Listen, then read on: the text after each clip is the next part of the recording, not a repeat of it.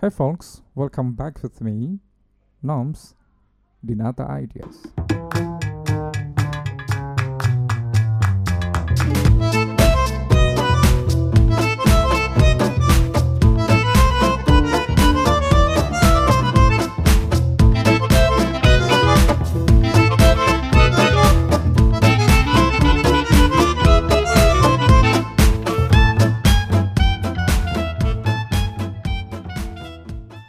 Oke, podcast kali ini kita bakal obrolin soal how to think big. Gimana caranya kita bisa berpikir besar.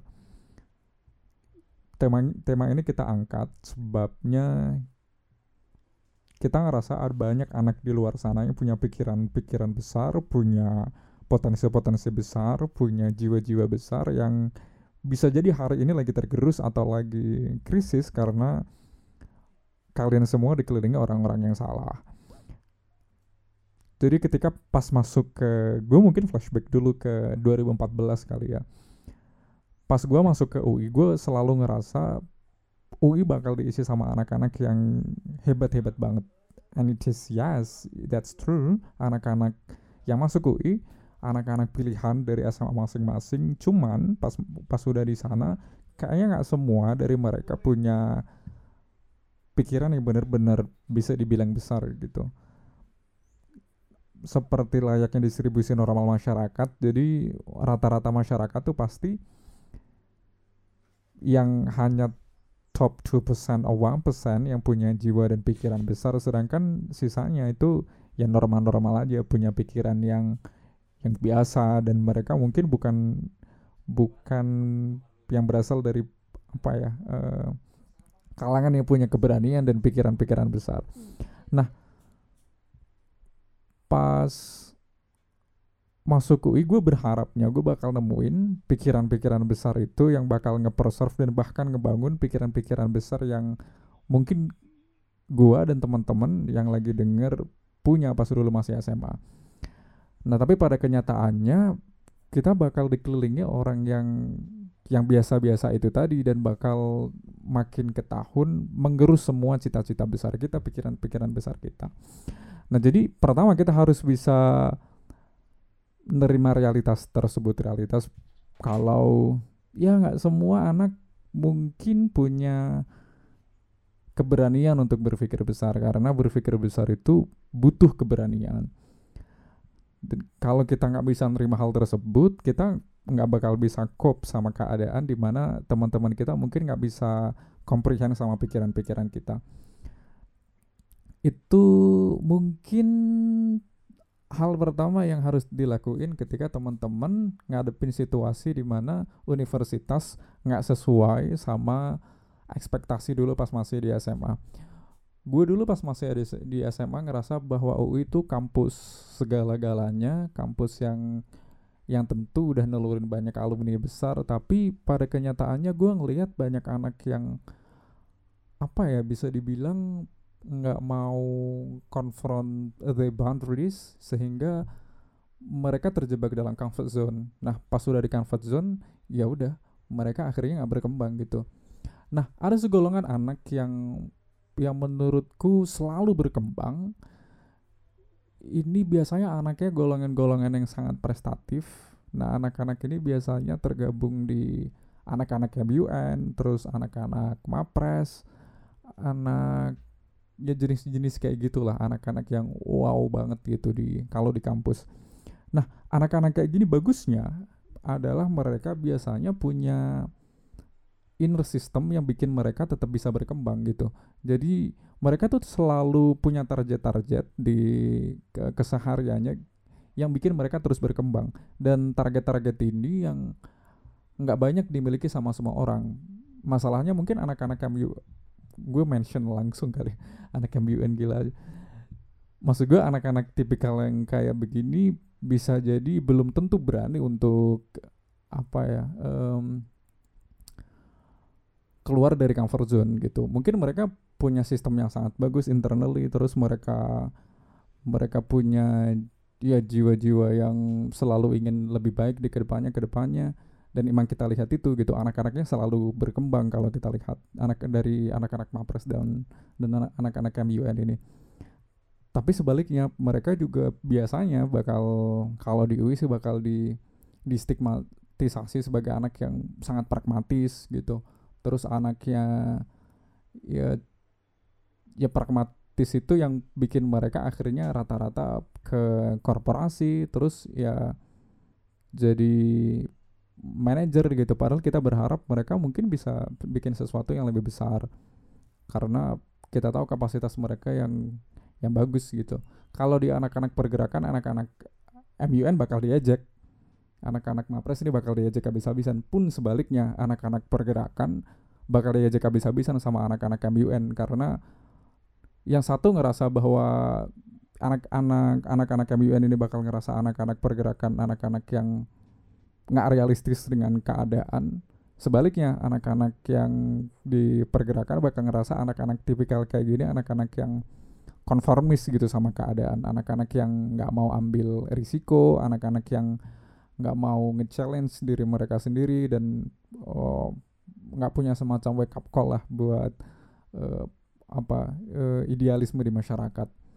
Nah cuman nah tapi begini bahwa mungkin dua-duanya ini bisa disebut sebagai anak-anak yang termasuk dalam cakupan 2% dari mereka yang punya pikiran-pikiran besar itu. Nah dari dua persen total dua persen itu ada satu persen yang mungkin ada di antara interseksi tersebut. Nah anak-anak yang mungkin yang ya yang bisa jadi sekarang lagi dengerin podcast ini. Nah kalian yang lagi yang emang punya pikiran-pikiran besar itu nggak perlu bimbang kali ya e, ngelihat keadaan. Kalau kalian sedang berada di kelompok MUN atau anak-anak mapres Uh, pun sebaliknya kalau kalian sekarang sekarang lagi berada di kelompok aktivisme sebenarnya itu udah jalur yang paling tepat kalau gue lihat. Karena di luar daripada itu kalian bakal nemuin banyak banget mahasiswa yang sampah. Mahasiswa yang aduh kasar banget gue ngomongnya. Gimana ya bahasa halusnya bisa dibilang mereka cuma ngejalanin ya rutinitas aja kuliah ngerjain tugas ya jasoso lah gitu. Jadi gue sangat mengapresiasi anak-anak mahasiswa yang udah masuk antara di dua kelompok ini anak-anak yang emang bener-bener berprestasi ikut lomba tiap harinya yang nanti bakal jadi mapres dan lain sebagainya atau sebaliknya anak-anak yang emang terjun di pergerakan dan habis-habisan di sana. Gue nemuin di pergerakan contohnya anak-anak yang kritis-kritis banget dan punya kualitas yang sama sekali nggak kalah sama anak-anak MUN anak-anak mapres. Yang pas mereka lulus juga akhirnya mereka dapat bisa kuliah di USA dan dapat kampus-kampus yang bonafit banget di di luar sana yang yang tentu bisa bersaing gitu sama anak-anak MUN dan lain sebagainya. Ini soal ketertarikan dan panggilan hati sih menurut gue. Ada anak-anak emang mungkin ketertarikannya lebih cenderung ke ke sana, ke pergerakan pun sebaliknya.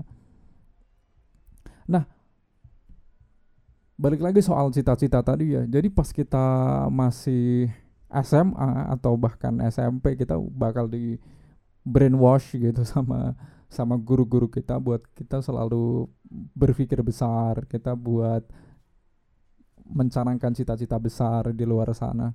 Pas sudah mulai masuk kuliah itu bakal berasa banget kalau ternyata itu ya mungkin nggak semuanya harus direalisasi Nah tapi gue dulu sempat punya pikiran kayak gitu. Jadi gue bakal lulus terus uh,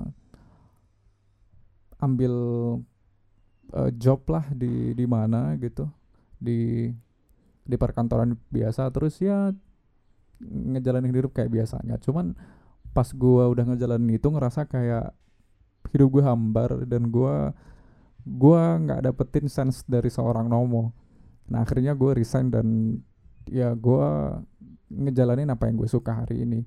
Mungkin gue nggak punya duit sebanyak sebelumnya. Sebelumnya juga nggak punya banyak duit juga. Cuman maksud gue seenggaknya tapi hari ini gue ngelakuin apa gue suka. Gue ngelakuin apa yang yang menjadi panggilan hati gue gue ngerintis apa yang menjadi cita-cita dulu pas masih SMA pas masih SMP bahkan. Nah, gimana caranya kita bisa ngadepin teman-teman kita yang emang di kelas mungkin anak yang biasa banget yang kalau diajak nugas susah diajak kumpul susah gitu. Padahal dan mereka so sibuk mungkin padahal nggak ada kegiatan gitu. Um, menurut gue satu-satunya cara adalah tetap dengan berpikir kritis. Kita harus jadi bubble sih menurutku kita harus bubbling gitu loh. Uh, kita harus ngeset seluruh sistem di tubuh kita buat buat resisten sama hal-hal semacam ini. Jadi kita bikin semacam um, safety belt buat diri kita sendiri yang itu nggak bakal bisa ditembus sama anak-anak anak-anak yang biasa ini yang yang bisa bikin kita tergerus sama mereka yang bakal yang bisa bikin kita ikut sama sama arus mereka. Gue punya teman co-founder gue di Nata namanya Nain.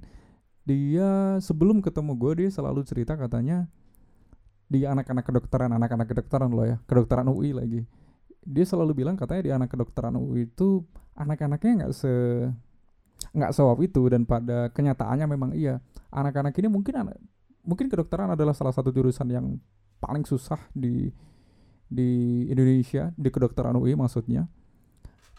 Uh, di UI aja kedokteran tuh pasti nomor masuklah top 3 gitu.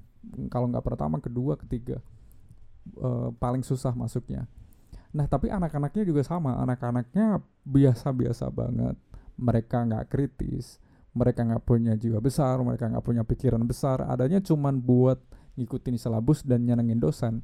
Nah itu yang bikin nah dari kegusaran itu akhirnya kita bisa bertemu. Gue dari filsafat dan lain dari kedokteran fakultas kita jauhan tapi ada kesamaan bahwa kita pengen ngepreserve kita pengen mengembangkan pikiran-pikiran kita dan pikiran-pikiran ini mungkin tidak semuanya bisa diterima dengan sederhana oleh uh, orang-orang di sekitar kita tapi menurut gue itu hal yang biasa. Kalau kita ngerefleksiin ke Elon Musk katakanlah Elon Musk tuh teman-teman pasti tahu siapa Elon Musk. Dia yang punya Tesla, dia founder dari PayPal, Zip2, SpaceX. Nah, Elon Musk uh, jadi salah seorang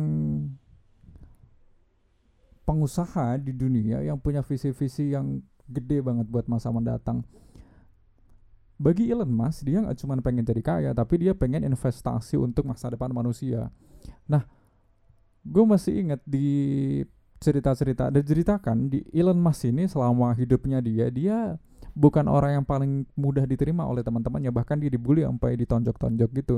Dia seorang kutu buku dan pas dia gede dan punya pikiran-pikiran besar itu dia juga bukan orang yang mudah diterima oleh kalangan pengusaha yang kaya-kaya ini karena visi-visi dia soal masa mendatang yang bagi banyak orang terlalu besar. Soal mengirim manusia tinggal di Mars targetnya tahun 2024 atau 2025 gitu semua orang question soal soal ide ide Mas gitu tapi pada tapi hari ini Mas udah udah bisa ngebuktiin perjuangan keras itu. Sebenarnya kalau di kalangan teknologi dan di di kalangan teknologi dan kalangan apa ya uh, para para miliarder nih ada stagnasi soal apakah pengetahuan dan teknologi itu bisa ngejawab permasalahan manusia. Karena sekarang tuh sebelum-sebelumnya udah mulai mentok seakan-akan ngerasa kalau teknologi nggak bakal kita bisa ke arah yang lebih jauh kali ya dan di sana di sanalah Elon Musk muncul dia muncul dia membawa terobosan-terobosan baru dia membawa harapan-harapan baru yang orang tidak berani harapkan. Dan hal ini yang merubah segalanya. Tesla dengan uh, electric vehicle-nya terus dia sekarang bikin Star Starlight kalau nggak salah ya apa sih yang dia mau nge-provide uh, free free internet untuk seluruh uh, manusia gitu. Dia mau ngirim manusia ke dia pengen manusia jadi multiplanetary species dan lain sebagainya.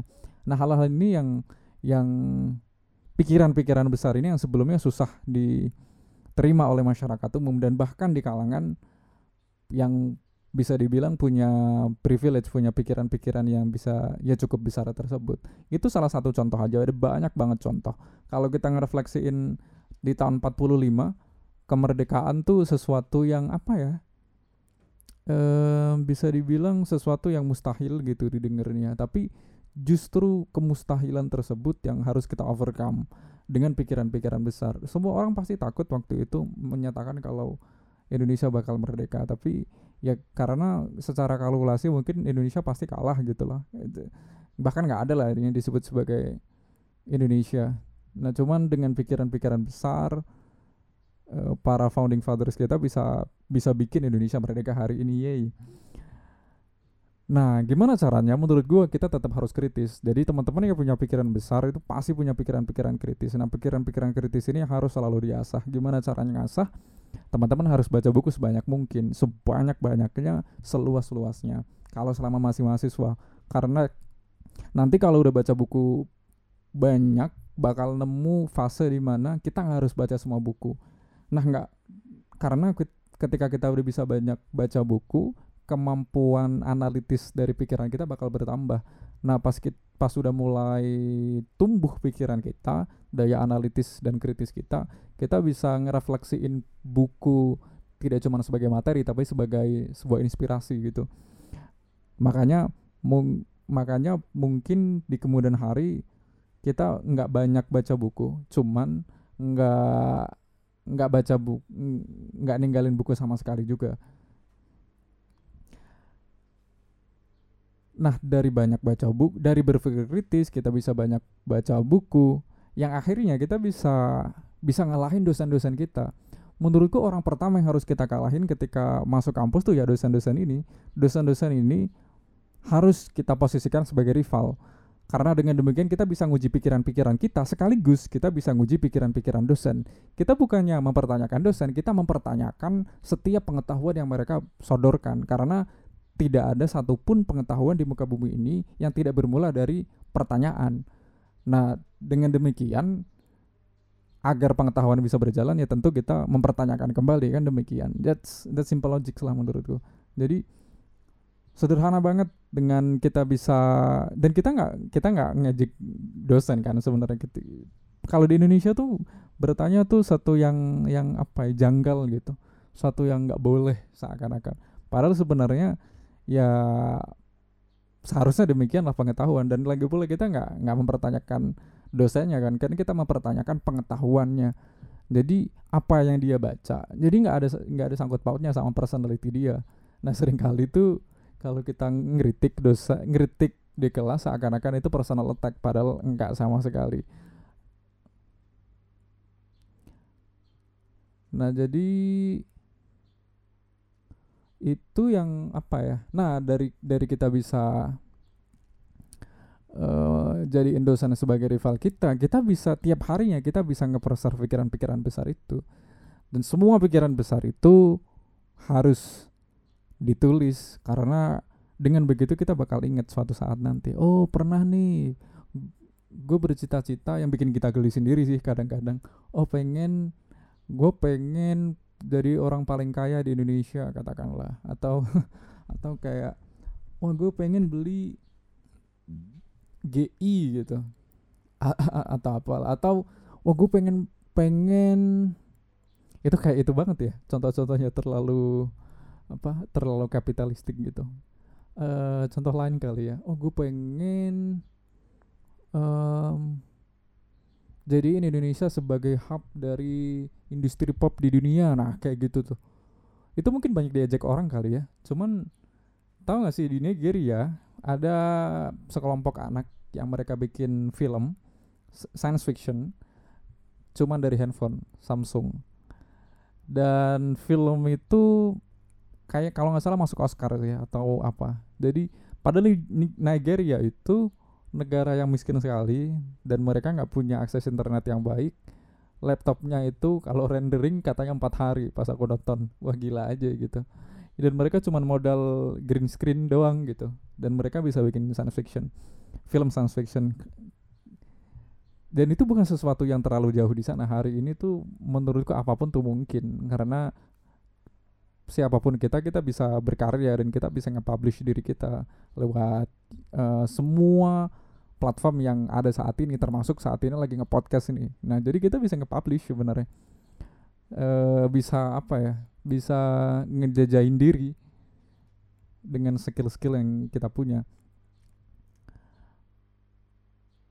dan yang terakhir menurut gue kita jangan sampai kalah sih sama keadaan jadi keadaan-keadaan yang kayak gitu ber, semua burden yang kita miliki itu juga dimiliki sama sama orang-orang terdahulu yang yang yang punya pikiran-pikiran besar.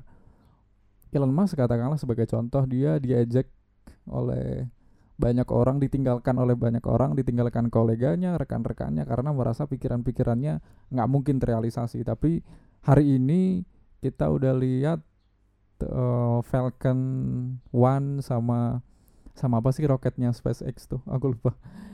Dia udah bisa dia udah bisa mengudara dia dan SpaceX tauku nilai valuasinya sebagai startup dia udah dia makin naik makin hari makin naik gitu jadi ini menunjukkan kalau apa-apa yang dicita-citakan Elon Musk yang kita imajinasikan selama ini bisa terrealisasikan dan itu butuh jiwa-jiwa besar dan pikiran-pikiran besar. Uh, mungkin sebagai refleksi kali ya. Jadi 20 tahun nggak cuma 20 tahun. Jadi sebenarnya dalam di dunia ini ada periode pikiran-pikiran besar. Kalau kita lihat di zaman kemerdekaan tuh muncul uh, orang-orang tokoh-tokoh yang memang punya pikiran-pikiran besar. Ada Soekarno, ada Syahrir, ada Hatta dan teman-teman. Nah, ini orang-orang yang muncul dari situasi kritis. Dari situasi kritis tersebut lahirlah pikiran-pikiran pikiran-pikiran kritis gitu. Sebelumnya mungkin 30 tahun sebelumnya kali ya, sebelum kemerdekaan tuh muncul gerakan-gerakan intelektual juga ada Budi Utomo ada Muhammadiyah dan dan teman-temannya dan mereka semua orang-orang yang dilahirkan oleh sejarah dilahirkan sama peradaban emang ya untuk untuk merealisasikan pikiran-pikiran besar mereka dan termasuk menginspirasi kita sih menurut gua.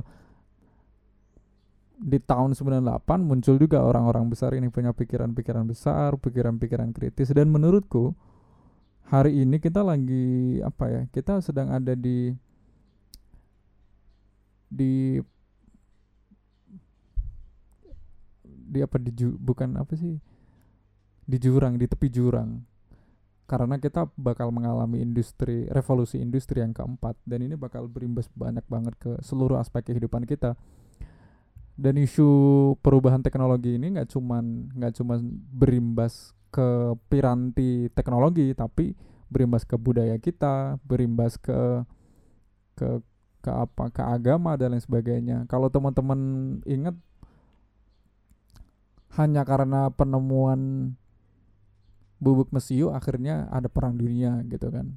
Atau karena penemuan mobil akhirnya muncullah ada yang namanya hotel dan lain sebagainya. Belum sebelumnya belum pernah ada tuh eh, hal-hal uh, semacam itu. Jadi ada budaya baru yang diciptakan dari teknologi. Ada ada satu peradaban baru yang diciptakan teknologi. Dan ini yang menurutku kita sedang ada di di di pembatas itu. Dan pembatas ini yang bakal dan kitalah yang bakal menentukan arah dari apa ya arah dari seluruh realitas ini 20 30 tahun mendatang.